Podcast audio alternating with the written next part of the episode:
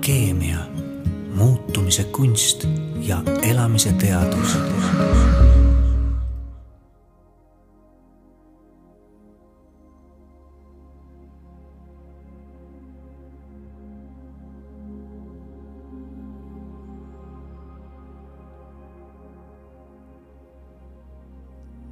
õnn ei tule, nagu oodanud ma ja lootnud, üleöö. Ta on aastate hool ja valude töö. tantsusammul ei või rutata vastu tal veel. ristis käsi, tahan astu kui kiriku teel. ei ma hõiskada poole kiiduhümnides häis. selleks süda mul alles liig pisaraid täis las ma põlvitan nuttes, suur õnn sinu sees. Võta aset valust puhastet südame sees. kuid mu õnn, minu ainus, kuis hoian ma sind, et sa ei pageks jälle kui hirmunud lind. ah, mu õnn, minu ainus, üks soov põleb suus, jäta mulle, mu kaaslane igatsus. Te kuulate Alkeemia podcasti ja mina olen teie tänulik host Anneli Urge. täna räägime õnneliku elu saladustest ja minu stuudiokülaline on särav naine, armastav abikaasa ja ema ning holistiline terapeut Merli Uusmaa tere tulemast stuudiosse, Merli! tere, Anneli! Suvi hakkab vaikselt lõppsirgele saama, me oleme nautinud palju sellist kuuma ja sooja päikesepaistet. kuidas sa ennast täna tunned? kuna täna on taevas pilvine, siis natuke saime nagu jahutust sellele kuumale, et äh, väga hästi tunnen. kuidas on möödunud sinu suvi? üsna mm, seikluste rohkelt, et palju on perega koos olemist olnud ja sellest lähtuvalt nüüd äh, võtsingi teadlikult äh, nädalase puhkuse iseendale, et minna vastu sellele sügisele, et tegelen enda asjadega ja, ja kuna mul on imeline tugivõrgustik ja, ja lapsed on hoitud, siis ma saan endale seda lubada. varsti algab jälle kool, inimesed kolivad linna tagasi suur suvi on selja taga. milline oli sinu suvi, Merli? Mul on iga aasta aasta lõpus kuidagi mingi selline kokkuvõtete tegemise aeg, aga ma avastasin, et äh, ma mõni nädal tagasi tegin juba suvest nagu kokkuvõtte, et ma iga kord mõtlen, et äh, et äh, issand, kui imeline aasta on olnud, siis mul on nagu nüüd olnud see, et issand, kui imeline suvi on olnud mina mäletan ühte väga-väga pidulikku ja väga südantsoojendavat sündmust selle suve alguses ja see oli sinu laulatus Paide kirikus. jah, nii oli. meil toimus äh, minu sünnipäeval äh, kiriklik laulatus. kui ma sind siin vaatan, sa särad oma parimas säras ja siis ma võin äh, lihtsalt järeldada, et sa oled üks õnnelik inimene, Merli.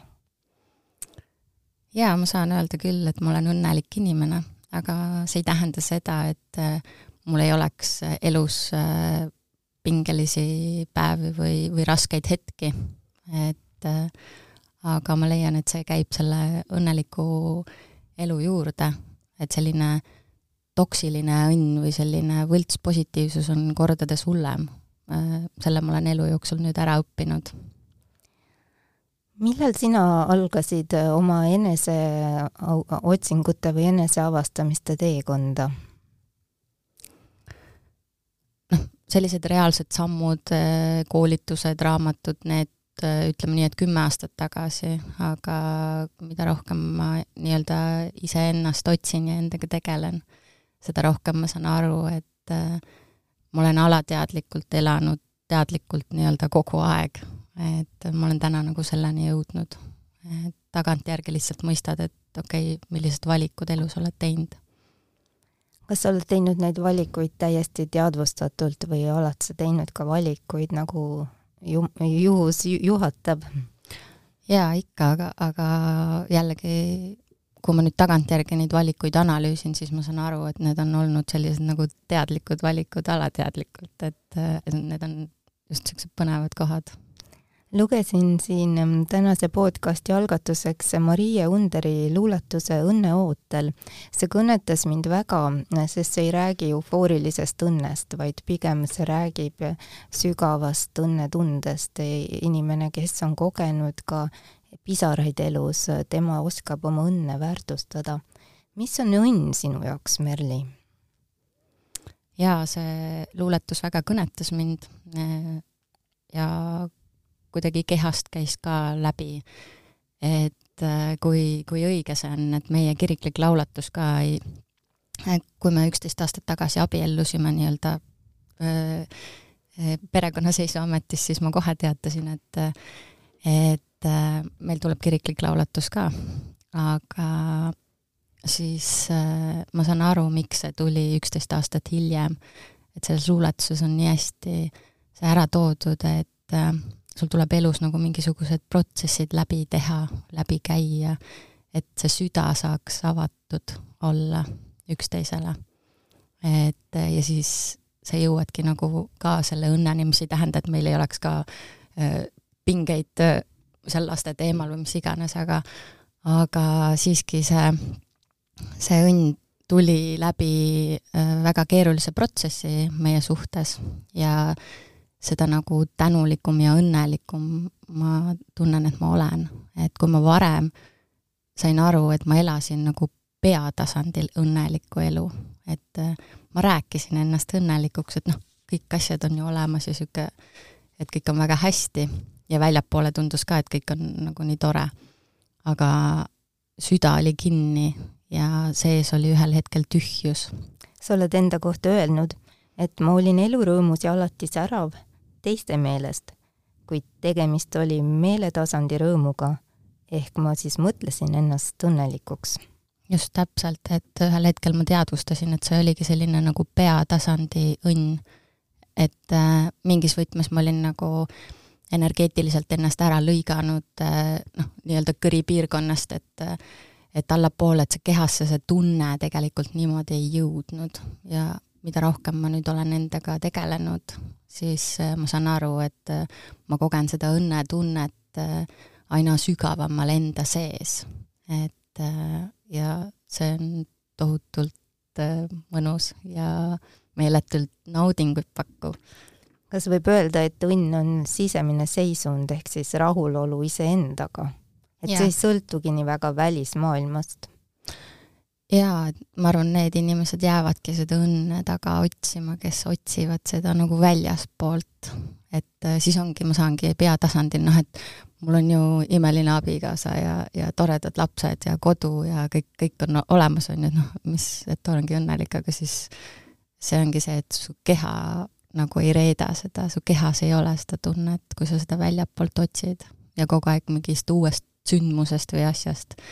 et äh, ma suudan väga õnnelik olla, aga täiesti üksi olles kodus tantsides, et ma ei vaja selleks mingit seltskonda või et ma saan aru, et keegi teine väljaspoolt ei tee mind õnnelikuks. et täna ma olen jõudnud nagu selle tundega kehasse ja see on hästi naudingut pakkuv. on ka see õnnelike suhete saladus, kui inimene on iseendaga kooskõlas, siis ta lihtsalt on ka suhtes kooskõlas teise inimesega.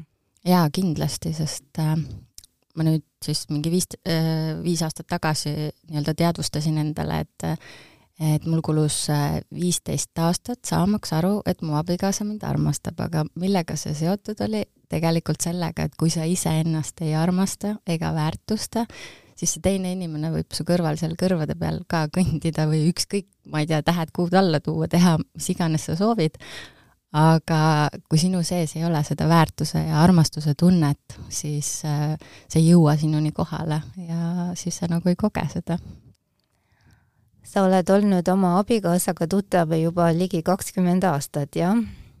kauem tegelikult kui kakskümmend aastat tuttavad, aga, aga koos oleme olnud jah, see aasta saab kakskümmend aastat.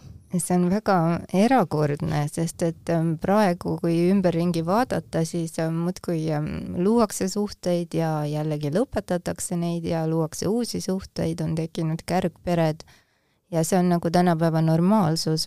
sina oled justkui üks äh, eretäht, kes äh, on pidanud äh, endale truuks jäädes seda pikaajalist suhet ja ja kuidas sa mm, oled seda suutnud, see on nagu lill, mida sa kastad iga päev, et ta oleks äh, elujõuline, et ta õitseks. kui, kui mm, palju see võtab sinult energiat?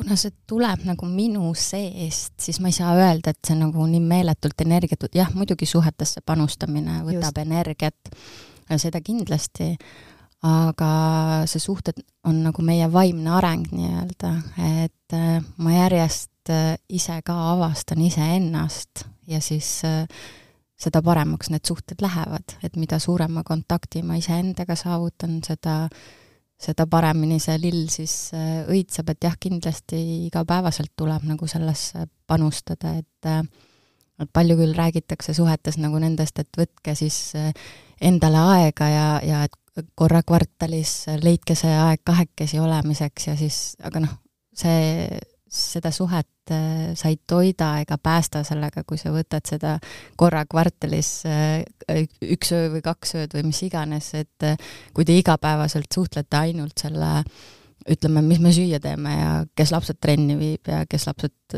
kes lastega õpib. et kui on ainult sellised baasilised asjad, millest räägitakse, et inimeste vahel ei ole seda ühendust või sidet, et äh, mul küll abikaasa on neli nädalat ära, et äh, see on kindlasti meie suhte nii-öelda võti või miks see niivõrd värske on, et iga kord tuleb jälle uus ja huvitav aga su abikaasa on merekapten, see on ka erakordne olukord, et kui paljudel naistel abikaasaks on merekapten. no jaa, täpselt, et äh, sellega mulle meenub see vana klišee nagu kui lugeda kas või Tuulist randa või, või mingeid värskemaid raamatuid, siis alati on selle äh, kapteniprouadega käib kaasas niisugune äh, väikene Äh, oreool, et jaa, ta mees on mere peal ja kas tal ei teki siis neid äh, ahvatlusi sel ajal, kui mees on ära. kas sinul on selle kahekümne aasta jooksul tekkinud ahvatlusi? eks ikka elus äh, tuleb ette kõiki asju, aga täna ma ütlen selle kohta seda, et äh, lubada endale siis äh, nagu tunda kõiki tundeid ja samas äh, minu kogemus on see, et tuleb jääda ausaks, et äh, see on see võti, et äh, see võib olla ühel hetkel ülimalt valus ja raske protsess ühes äh, suhtes, sellest läbi minna, aga täna ma mõistan, millise ühenduse see on loonud, et meil omavahel, et ma olen tänulik kõigi nagu nende ahvatluste eest et sa saad äh, tegelikult kõigest oma abikaasaga ausalt rääkida, ka oma tunnetest, oma ahvatlustest yeah.. oma ihadest, oma muredest, oma rõõmudest. jaa, see on ülimalt oluline, et äh, ma arvan, väga vähesed naised äh, saavad sellist asja kogeda ja see ongi selle pikaaegse suhte nii-öelda võlu, et sul kaovad ära need valehäbi või mingid niisugused piirid, et siis see ongi see niisugune väga sügav äh, ühendus, kus sa saad olla sina ise, et see on nagu kõige võimsam, mida saab üldse kogeda. Ja ma täna olen aru saanud sellest, et äh, kõik ei koge seda, et, et äh, kõik ei ole muidugi nii kaua ka koos. Ja mõned inimesed, kes on kaua koos, on, on jäänud nagu sellesse mõistuse abiellu siis. mina olen teinud tööd selle nimel, et meil oleks armastusabielu. et sa võid ka öelda, et sinu mees on sinu hingesugulane? jaa, kindlasti, jah. see on äh, siis äh, suhe, mille nimel inimesed pingutavad, mida nad ootavad ja igatsevad? ma arvan, et äh, kui oodata, siis see ongi see, millesse inimesed nagu ära upuvad, et need ootused, et meil tuleb just ootused nagu maha lasta, et meil tuleb lasta olla mõlemil see, kes ta on. et ma võiks ju öelda ka, et äh, jah, mul on neli nädalat lastega väga raske ja otsi mingit töö siin maal ja, ja mingid niisugused asjad. et äh, siis tegelikult äh, inimene peab tegema seda, mis tema nagu silma särama paneb ja, ja südame põksuma, et see ongi see võti, et, et ei ole nagu mingisuguseid ootusi. mina pigem soovitan nagu ootused inimestel maha võtta aga mis oli ikka põhjus, et te alles ähm, nii palju aastaid hiljem laulatuse siis ähm, vormistasite ähm,? Jaan Tammsalu küsis meie käest ka, kui me läk-, Jaan Tammsalu laulatas meid ja tema küsis ka meie käest, et äh, miks me ikka veel äh, armastame üksteist ja siis me pidime äh, kirjutama viis põhjust ja ta ütles, et ta näeb esimest korda elus sellist meest, et et kui tavaliselt küsib nagu viis küsimust, siis on niisugune viis vastust, aga minu abikaasa kirjutas kaks A4-ja, et ta kirjutas seda, neid põhjuseid, miks ta sind armastab, kaks A4-ja. jah, no pluss seal oli see lugu, meie lugu nii-öelda ka, aga et need põhjused olid ka üsna pikad, mitte selline viis rida. et see kuidagi ma ei oska seda seletada, see on see tunne, mis meid nagu koos hoiab, et äh, ja siis, kui me tegime väga keerulise protsessi nagu läbi, siis pärast seda nagu oligi selge, et see, kui meie mõlema südamed on nagu saanud avaneda, et siis see, nüüd on see õige aeg siis seda tähistada. see oli meie laulatuse selline, ma usun, eesmärk. ehk siis te tähistasite oma armastust? just nii ma armastan su armastust ja jään ta imetlejaks. hardalt teretan, kui päästjat sind ning hinges veretan sul tänuliigust, kui su armu näen. ma armastan su armastust, sa mind sind armastama oled armastanud. mind hõõgab ilusaks su armu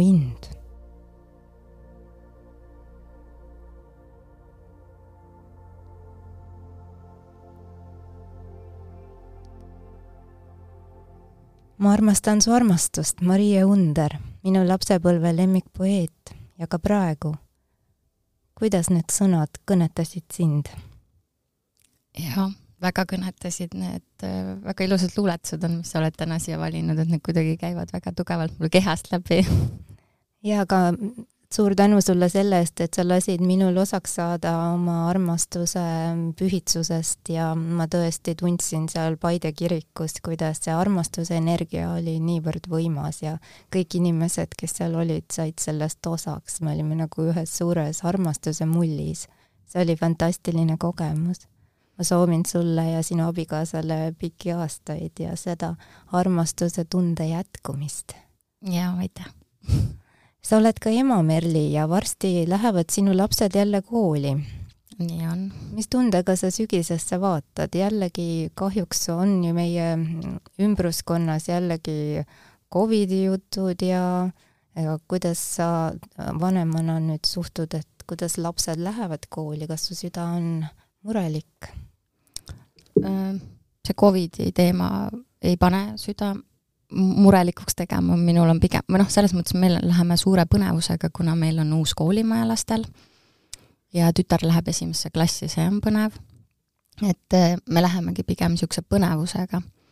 aga eks natukene on ka ärevust, kuna poiss eh, ei soovi niivõrd eh, koolis käia, kui, kui tal tekkisid seal lihtsalt erinevad arusaamad õpetusstiilist ühe õpetajaga uh. -huh ja siis äh, tema nagu seda kooli niivõrd ei oota, aga õnneks see uue kooli põnevus on nüüd tal nagu ka toonud selle, et oo, et juba, juba saab, et me, me oleme pigem nagu põnevil, et me kuidagi selle muu teema peale ei olegi mõelnud, et kas kool ja kas suletakse või selle, selle peale pole mõelnud.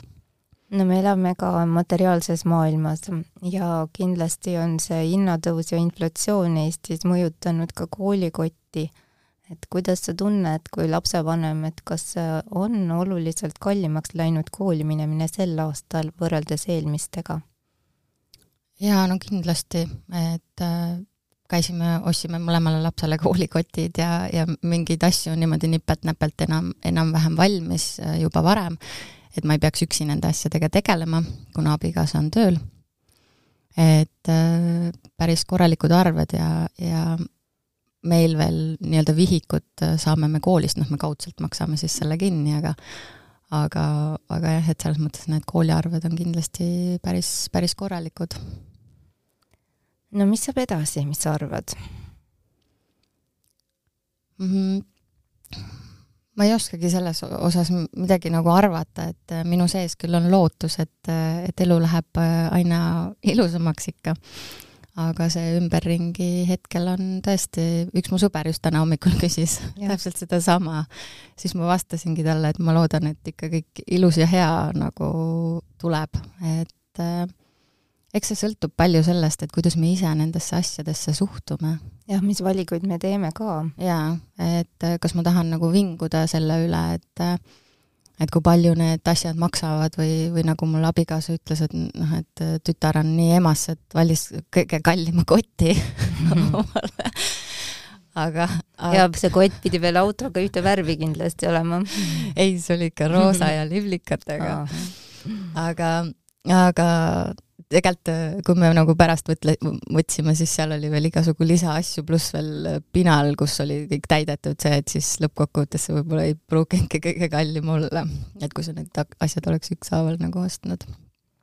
aga mina usun küll sellesse, et noh, et äh, eks meil endal tuleb lihtsalt peeglisse vaadata, et kuidas me suhtume nagu sellesse ja täpselt selle laste kooli asjad samamoodi, et meil õnneks on nagu selline kool, et noh, et, et et äh, meil on isegi nendes asjade nimekirjas on, on see, et noh, et äh, veetops kunstitundi, et see ei pea olema see poest ostetav, on ju, vaid võtad mingi jogurtitopsi või mingi niisuguse asja ja et et laste kunstitundi võtke vana mingi T-särk, on ju, et äh, ma saan aru, et me vanematena tahame ju oma lapsele nagu parimat, ja, ja kõik peab olema kõige vingem ja kõik niisuguse, aga, aga kuskil maal on see ka, et me ise toodame seda ärevust endale ju sellega.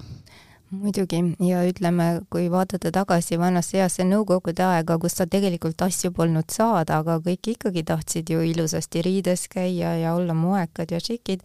Ja inimesed olid väga leidlikud, väga palju asju tehti ise ja, ja põhimõtteliselt tehti ka sitasiidi jaa. et see leidlikkus võib-olla on inimestel nagu uinuma läinud, sest et nii palju ülepakkumist on ja üks asi trumpab teist oma kirevuselt üle. aga kui nüüd on tõesti kätte jõudnud olukord, kus me peame tegema valikuid ja muutusi ka oma tarbimiskultuuris, et siis on võib-olla õige aeg hakata vaatama asju teise nurga alt ja vaadata, mida saab teistmoodi teha. jaa, ma olen nõus sellega, et äh, just see leidlikkus ja kuidas, kuidas teistmoodi ja, ja just see vaadata nagu endale otsa, mis puudutab neid laste kooliasju ja kõike seda, et, et kas ma tahan talle neid asju osta sellepärast, et mul endal kunagi ei olnud võimalus või, või et ma ei saanud poest mitte midagi ja siis pidigi olema see leidlik, on ju, et teen enda mingisugust vajakajäämist või siis äh, nagu päriselt on lapsel neid asju nagu tarvis, et see on ka asi, mida tasub nagu jälgida enda puhul aga lapsed on ju ka tänapäeval päris mõistlikud, et pigem nad on oma valikutes väga ratsionaalsed ja mõistlikud enamasti, et neil ei ole vaja mingit ülepaisutatud asju. noh, eks ta on jah, et aeg-ajalt ikka neil lööb ka välja, et kõike tahaks, on ju, aga jaa, et nendele ära selgitada, mina põhiliselt äh, poes ikka kasutan seda lauset, et lihtsalt ei mahu oma tuppa ära enam, et pole nagu kõike vaja osta ja me ei saa, et äh, isegi kui see rahaline võimalus on olemas, siis lihtsalt ei ole mõtet tarbida nagu see, sellist suvalist plastikut, et iga ja. kord, kui poes käid mul oli eelmise saate külaline psühhiaater Kati Külm, kes ütles nii armsasti, ka sina viitasid ärevusele, mida me ise toodame, et mõnedes olukordades võib ärevusest isegi kasu olla. Ja just nendes olukordades, kus me tegelikult peaksime sellele probleemile otsa vaatama, mis meid ärevaks teeb. Ja siis ütlema iseendaga maha istuma ja vaatama, kuidas me saame asju teisiti teha, kas või elektritarbimist või gaasitarbimist Äh, nagu seda harjumust muuta, et kas me saame midagi ümber kujundada või milline on minu plaan järgmiseks äh, sügiseks, mida ma saan ise teha, et hoida oma kulud kontrolli all. muidugi me oleme sõltuvad sellest, mis toimub kogu maailmas, aga igaüks saab ikkagi ise ka enda jaoks midagi teha, vähemalt oma probleemi kaardistada, aga see on juba ärevuse vastu päris hea meetod jaa, ma olen täiesti nõus, et äh, see ongi see ilmselt ka see probleemi koht, et äh, et inimestel tekib see ärevus ja, ja mis nüüd saab ja siis keegi teine kuskilt peab siis äh, aitama, et nüüd riik võiks aidata ja, ja teised inimesed võiks aidata ja noh, niisugune see koht, et aga et milline on siin see minu enda vastutus, et kuidas Just. ma ise käitun vastutusest rääkides, nüüd ähm, läheme sinu kui äh, terapeudi kapsamaale, sa oled ka holistiline terapeut. Ja sa oled öelnud nii, et tegelikult inimene peaks vastutama iseenda otsuste, aga ka oma meeleolude eest.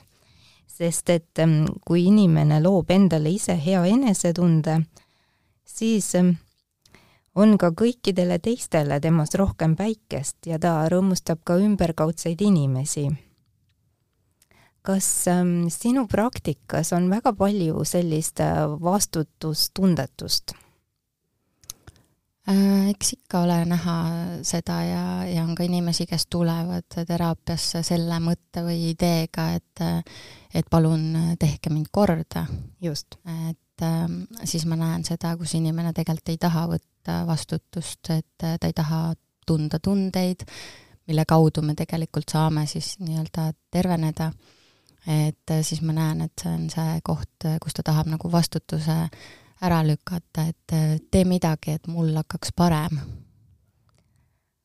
ja teraapias ongi tavaliselt ju keskseks kohaks see vastutuse võtmine omaenda elu eest.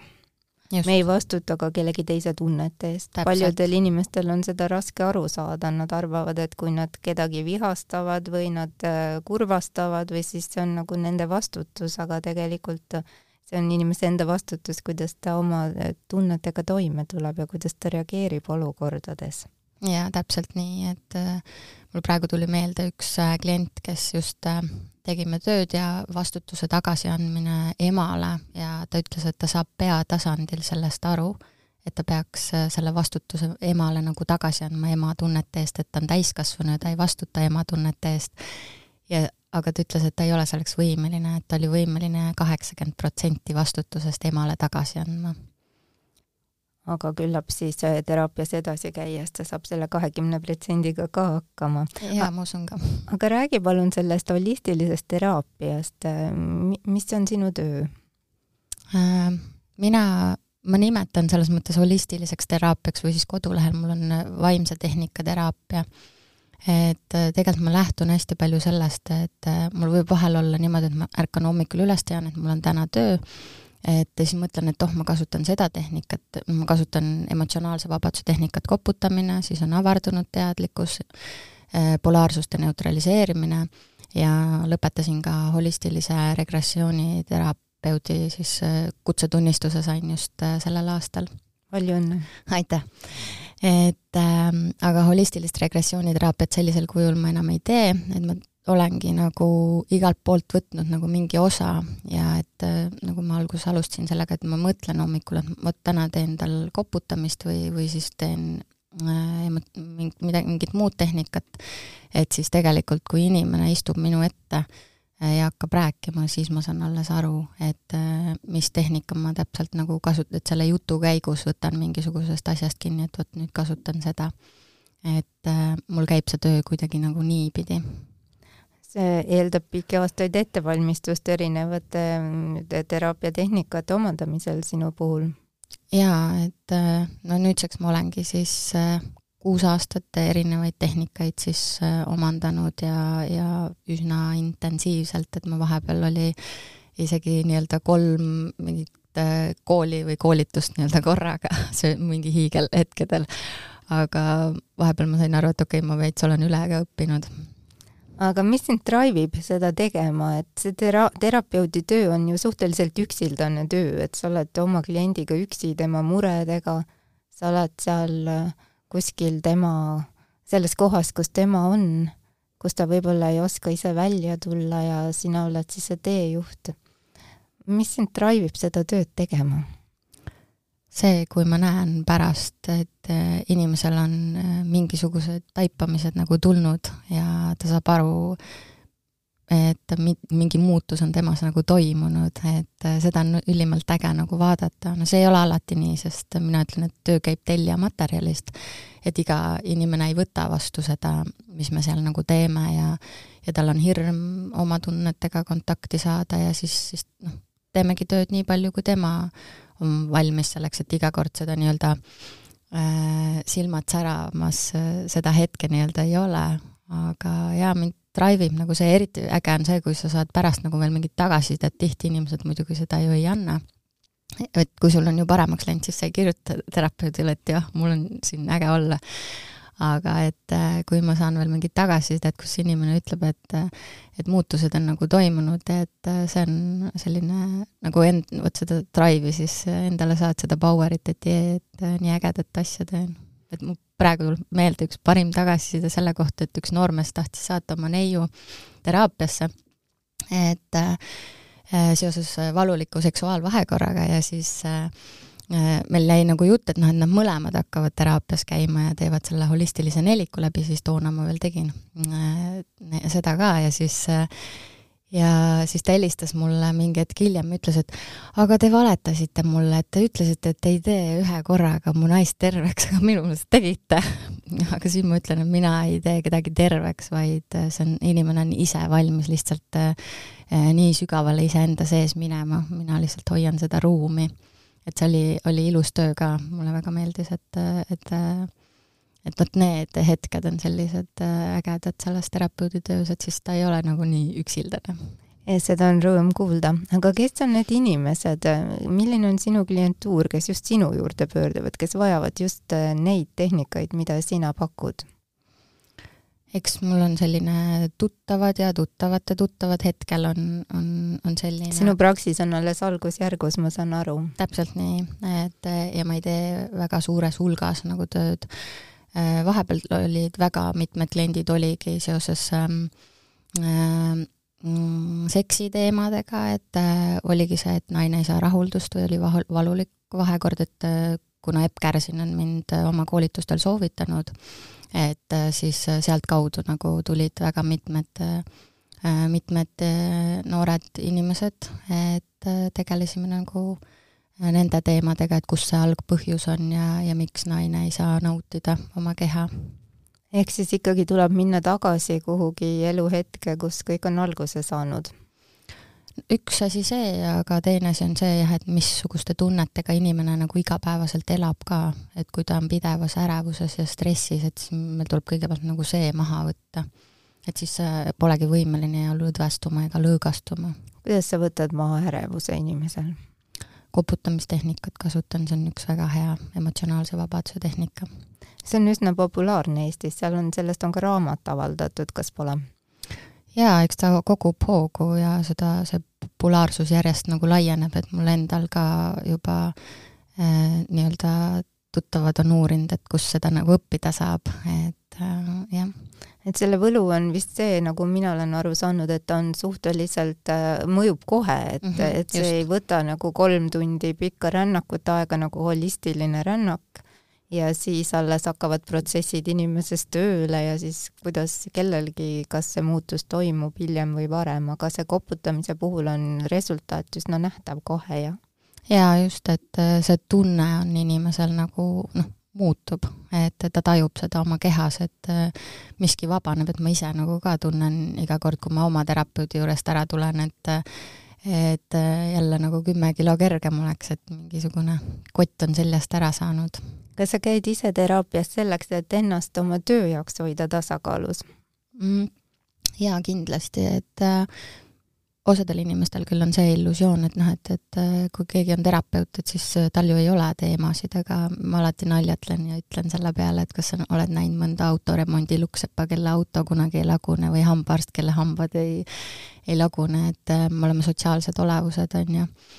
et ähm, ja ma leian, et iseendaga töö, et see on selline must be, mida iga terapeut peaks nagu tegema või minu jaoks on see nagu niivõrd loomulik, et äh, see ei tähenda seda, et iga kuu või, või, või ma ei tea, mul kuidagi niimoodi jälle tunne tuleb, siis, äh, siis ma lähen jälle teraapiasse, et minu jaoks on see hästi, hästi nagu normaalne.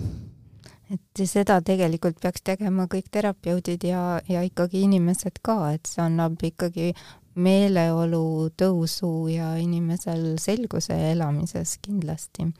vanasti Just. on öeldud, et ähm, haavad kõik parandab aeg, aga sina ütled, et ähm, aeg ei paranda midagi. see õpetab, kuidas elada valuga ja tihti surutaksegi tunded alla. valu on kui seljakott, mida igapäevaselt enesega kaasas kanname, endale teadvustamata no kuidas ähm, on, kas teraapia aitab seda seljakotti iga kord kergendada? see võib-olla iga kord ei anna kergendada, kui inimene ei taha seda asja näha nii, nagu see on, et äh, ta on loonud sinna mingisuguse oma teksti või, või noh, oma, ta on ära ratsionaliseerinud selle oma müüdi. just, see mingi lugu sealjuures ja siis see on tema jaoks nagu justkui äh, energeetiliselt energias äh, kinni jäänud, et äh, ja ta ei taha nagu seda lugu näha sellisena, nagu see päriselt on, ta ei taha neid tundeid tunda, siis me ei saa sellest nagu vabaneda ja ma näen seda ka teraapias, kus inimesed lihtsalt ei ole valmis ja see on ka okei. Okay.. et aga mina näen või usun sellesse jah, et kahjuks äh, aeg ei paranda neid haavu, et äh, sa võid, õpid nagu lihtsalt sellega elama, aga, ja sealt veel võib tekkida selline nagu kibestumus, kui inimene ei vaata sellele valule otsa või ei teadvusta mingisuguseid asju, et mis ma, mis ma sellest õppisin. aga mis motiveeriks inimest vaatama otsa nendele siis valupunktidele?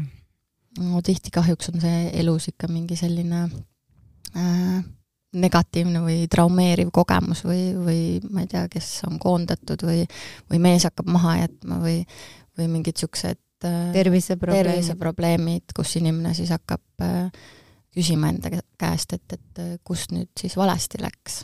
aga ka siis inimesed ei, ei pruugi nii-öelda teraapiasse jõuda ja siis tuleb jälle see vastutuse küsimus jah, et kes selle eest kõigest vastutab, inimene ei taha ju öelda, et jaa, ma tegin valeotsid otsuseid ja ma olen süüdi, et ma olen täna selles olukorras. ma arvan, et valesid otsuseid otseselt ka ei ole, et lihtsalt ongi selline kogemus, et ähm, et aga Eestis kahjuks veel nagu kuidagi visalt see, see muutub, et, et kui ma lähen terapeudi juurde, et siis mul peab olema midagi viga mina ei näe, et inimesel on midagi viga, kui ta võtab vastutuse oma tunnete eest, et minu meelest väga emotsionaalselt intelligentne on võtta vastutus oma tunnete eest ja, ja minnagi terapeudi juurde, kui kui inimene tunneb, et ta enam ei jaksa või ei tea, kuidas edasi. no ja aga me peame ka arvestama, kust me tuleme, kui me vaatame tagasi Nõukogude aega, sealt on ju kõik pärit, need mehed ei nuta ja Just. ja kõik peavad olema tugevad ja ise hakkama saama, et need on meil ikkagi emapiimaga sees, need uskumused jaa, need on väga-väga visad kaduma, jah. et uuel ajal ma näen siin uue põlvkonna inimesed on rohkem enesesse süübinud ja teadvustavad, et ma olen ka emotsionaalne olend, et ma ei ole ainult füüsiline olend, et mul on ka hing ja mul on vaim, et ma olen nagu suurem kui ainult minu keha ja, ja see, et mul, mul võib olla ka probleeme erinevates valdkondades, ka emotsionaalseid probleeme ja julgus tunda tundeid, eks see tuleb meil vaikselt ja siis selle läbi siis on ka, aga samas noh, hea muidugi käia teraapias endaga tegeleda ja kõike, aga ma näen nagu seda no, oma abikaasa puhul, et tema teeb neid asju nagu kuidagi teistmoodi, et aga ta teeb ka neid protsesse nagu läbi, aga ei lähe nagu teraapiasse sellisel kujul, ta küll ütleb, et on eluaeg terapeudiga koos elanud, milleks sinna teraapiasse minna et äh, aga jah, äh, ma ütlengi, et kõige olulisem on see, et inimene nagu hakkab teadvustama iseennast, tunnetama iseennast, et iga kord ei peagi selleks nagu teraapiasse minema, et äh, mõnikord ta läheb, äh, jookseb ja ta jookseb ennast väga sellisesse meditatiivsesse seisundisse ja kohalollu ja ta saabki selle rahulolu tunde ja kui ta tunneb ennast hästi, siis siis on kõik kenasti ja aga ütleme nii, et suhted on korras, et siis ongi kõik hästi ja see ongi siis selle õnneliku elu retsept, et ja. suhted oleksid korras, no sinna juurde käib ka kindlasti hea tervis ja ja, ja siis um, elukeskkond, eks mm, -hmm. et mhm. kuidas inimene, kus ennast hästi ja turvaliselt tunneb, sest kui need puuduvad, siis paratamatult ei ole ju mingitel teistel asjadel mingit väärtust jaa, aga hea tervise alus kindlasti on see, et äh, kui ma luban endal kogeda oma tundeid ilma neid alla surumata, et äh, see on see koht. no arusaadavalt on füüsiline ja vaimne tervis omavahel vägagi seotud mm. -hmm, just. Kuidas sa teed vahet rollidel, sa just ütlesid, et su abikaasa ütleb, et on terapeudiga abielus, et ta ei pea teraapias käima, et kuidas sa, kuidas sa kodus seda suudad ähm, lahus hoida, et sa oled tema jaoks abikaasa, sa ei ole tema terapeut, et sa oled oma lastele ema, sa ei, ei tee neile mingit psühhoanalüüsi jaa, ma sain väga huvitava kogemuse kunagi mm, kuus aastat tagasi, kui hakkasin oma abikaasale teraapiat tegema meie abieluvoodis või noh, mõtlesin, et okei okay,, no hakkan koputama, nii põnev on ju peale esimest kursust ja siis ma lõpuks lõppes see sellega, et ma hakkasin iseennast pidin hakkama koputama. et siis pärast seda ma nagu ütlen, et äh, ei maksa torkida oma pereliikmeid. et lastele küll tegelikult nad õhtuti vahel ütlevad, et emme, tule palun tee koputamist et et aga jah, mingit sellist psühhoanalüüsi ma ei tee, et ähm, ma ei oskagi öelda, kuidas ma neid rolle nagu vahetan, aga eks jaa, mu abikaasa nii-öelda keskmisest Eesti mehest äh, rohkem peab rääkima oma tunnetest, ma arvan, et mm, et minu loomus on kuidagi see, et ma enne ei jäta rahule, kui meil on see asi nagu täiesti lahti võetud. et ja kõik saavad ennast nagu väljendada ja see alati õnnestub sul. Ähm,? mees ei lähe külmkapi juurde õllepudelit võtma, et jälle see naine tahab tunnetest rääkida. Äh, ta vahel ütleb mulle, et mul läheb pea pooleks juba, siis, äh, siis ma nagu noh, neid piire tasub ka ikka teada, aga aga see on ka palju nagu muutunud, et äh, tema teadlikkus hämmastab mind väga-väga tihti, et jah ei ole siiani läinud õlle järgi. mida sa ütleksid, Merli, nendele inimestele, kes vaatavad äh, pisut ärevana nüüd uude algavasse kooliaastasse ja mm, ootavad neid äh, kõrgeid elektrihindu veelgi tõusmas ja on murelikud? mina soovitaks neil äh, oma uudistekanalid välja lülitada mõneks hetkeks ja minna rabasse, et praegu on veel vesi väga soe, minna ja maandada iseennast, et äh, otsida loodusest nagu toetust kõikide loodusandide näol, et äh, ennast turgutada ja toetada, et me tihti tekitamegi selle ärevuse, et me vaatame mingeid äh, viieseid, seitsmeseid, üheksasi uudiseid ja siis mõtleme, et mis meil viga on. esimest stuudiot pärast takkajärgi. no täpselt jah, et ähm, me ei pea kõigega kursis olema, mina nagu ütlen seda, et me ei pea kõike kogu aeg nagu teadma, et et mine sõida jalgrattaga või, või tee midagi, mis on su hinge helisema paneb, et äh, siis võib-olla natukene nagu kergem sellele sügisele otsa ka vaadata. ja loodus on alati meid vastu võtmas ja loodus on rikkalik ja külluslik ja eriti praegu, kui kõik viljad hakkavad juba valmima, õunad, marjad mm -hmm. on juba korjatud, et see on see suve kõige külluslikum äh, lõpufaas jaa, et mina ütlen ka vahel nagu, kui keegi, keegi räägib, et seal uudiseid, et need äh, tekitavad stressi, siis ma küsingi nagu, et aga miks sa vaatad neid? et mis see annab sulle, et kõigega kursis olla, mis see kõigega kursis äh, olemine sulle annab, tekitab ärevuse, miks sa siis endaga teed seda? just, või vaadata öisesse taevasse. täpselt. ja näha neid selge ilma korral meteoriide see on väga imeline ja mulle ka meeldib tähine taevas. ja tunnetada, kuidas me tegelikult oleme universumiga üks. me ei ole eraldi, me ei ole lihtsalt see räägib pea või kuulav pea, kes TV-uudiseid vaatab, me oleme kõige selle kõiksusega üks ja sama. igalühel on siin oma olemise põhjus ja oma eesmärk. ja kõige tähtsam on olla tänulik, et me saame siin olla, seda küllust nautida ja oma panuse anda. just kõige imelisem on olla elus, iga hommikul tänada selle eest, et ma ärkasin. täna siin ja praegu. mina tänan sind, Merli, et sa tulid ja valgustasid seda tundi oma säraga. ma soovin sulle suuri uusi kordaminekuid sinu terapeudi praksises ja kestvat armastust sinu perele. aitäh, et sa oled kingitus maailmale. aitäh sulle, Anneli. ja mina tänan teid, armsad kuulajad, et te veetsite selle tunni meiega. mina olen teie tänulik podcasti host Anneli Urge ja ma olen siin tagasi septembris juba uute teemadega, mis on veelgi põnevamad kui kõik seni kogetud. Ma tänan teid ja soovin imelist suve jätku. alkeemia, muutumise kunst ja elamise teadus. alkeemia taskuhääling toob teieni huvitavat ja harivat keha, hinge ja meele vallast kuula ja loe alkeemia.ee, leia meid ka Facebookist ja Instagramist